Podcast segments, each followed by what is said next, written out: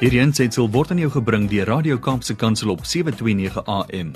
Besoek ons gerus by www.kapsekansel.co.za.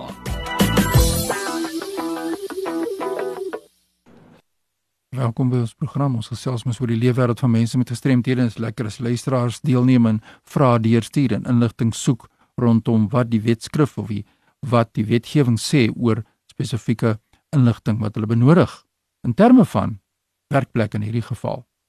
Nou iemand vra hier, wat sê die wetgewing? Wat sê die tegniese ondersteuningsriglyne waarna jy verwys het in 'n vorige program? Wat sê dit as my werkgewer my 'n aanbod wil maak? So dit gaan oor wanneer doen hy 'n aanbod aan jou as jy aansoek doen en jy's 'n persoon met 'n gestremdheid.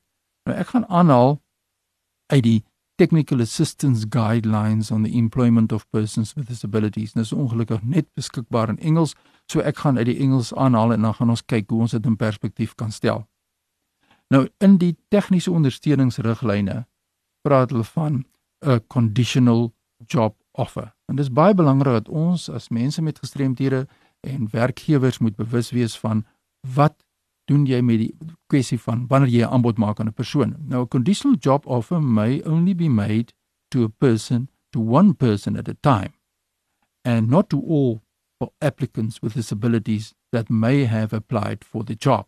Dit is belangrik as jy in as 'n paar mense met gestremthede is wat aansoek gedoen het vir daardie werk, kan hy net 'n aanbod maak op een persoon en dan moet hy verder met daardie persoon onderhandel. The purpose of a conditional job offer is to allow the employer to assess the ability of the specific applicant with a disability to perform the essential functions of a specific job.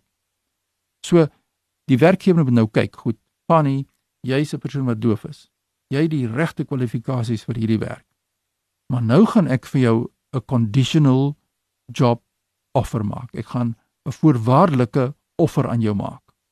Want nou moet ons dieper begin gesels.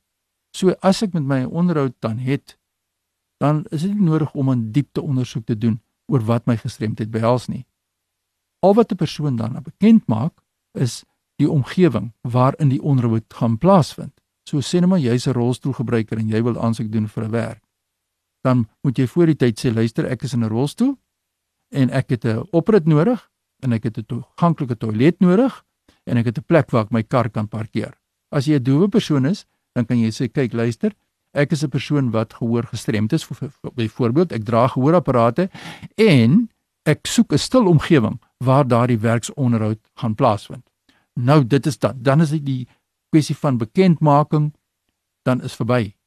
En dan kom die aanbod dan sit die werkgewer en hy begin met jou te gesels en hy kyk na jou kwalifikasies en dis meer en dan maak hy jou 'n conditional job offer en sê goed, ek dink jy het die regte kwalifikasies. Kom ons gesels verder. Fanny, jy het jou gehoor verloor. Hoeveel?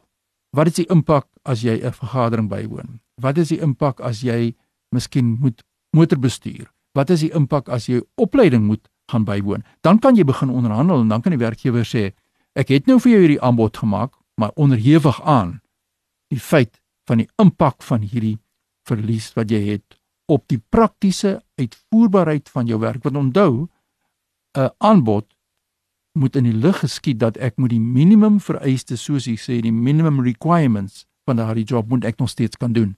So en dan moet hy seker maak die werkgewer dat hy wel redelike akkommodasie vir jou in plek kan plaas dat dit geldelik vir hom moontlik is om daardie fasiliteite of die die hulp wat jy nodig het dan beskikbaar te stel. Want as hy nie dit kan doen nie, dan moet hy daar vir jou nou luister sê man, ek sien jy's die regte persoon, maar ek is onmoontlik vir my en my maatskappy. Ek kan nie 'n 60000 rand se toerusting aankoop om jou te kan help om jou te kan akkommodeer nie. Dit is nie moontlik vir my nie. So dis 'n onderhandelingsproses wat elke redelike mens sal vra of wat elke redelike mens sal afkeer. En dit het alles te doen slegs nie in die onderhoud alleen in die begin nie maar wanneer daar 'n conditional 'n voorwaardelike offer op die tafel geplaas is dan kan 'n persoon in diepte gaan om te bepaal kan hy vir jou redelike akkommodasie gee al dan nie soos jy in 'n onderhoud moet gaan en jy's onseker wat word gedoen wanneer in die proses en jy's 'n persoon met 'n gestremdheid asseblief kom na vore Stuur vir my inligting deur.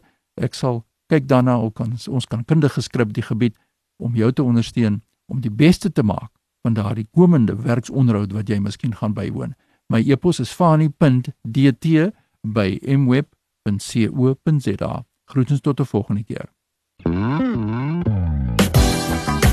Hierdie ensetsel is aan jou gebring deur Radio Kaapse Kansel op 729 AM.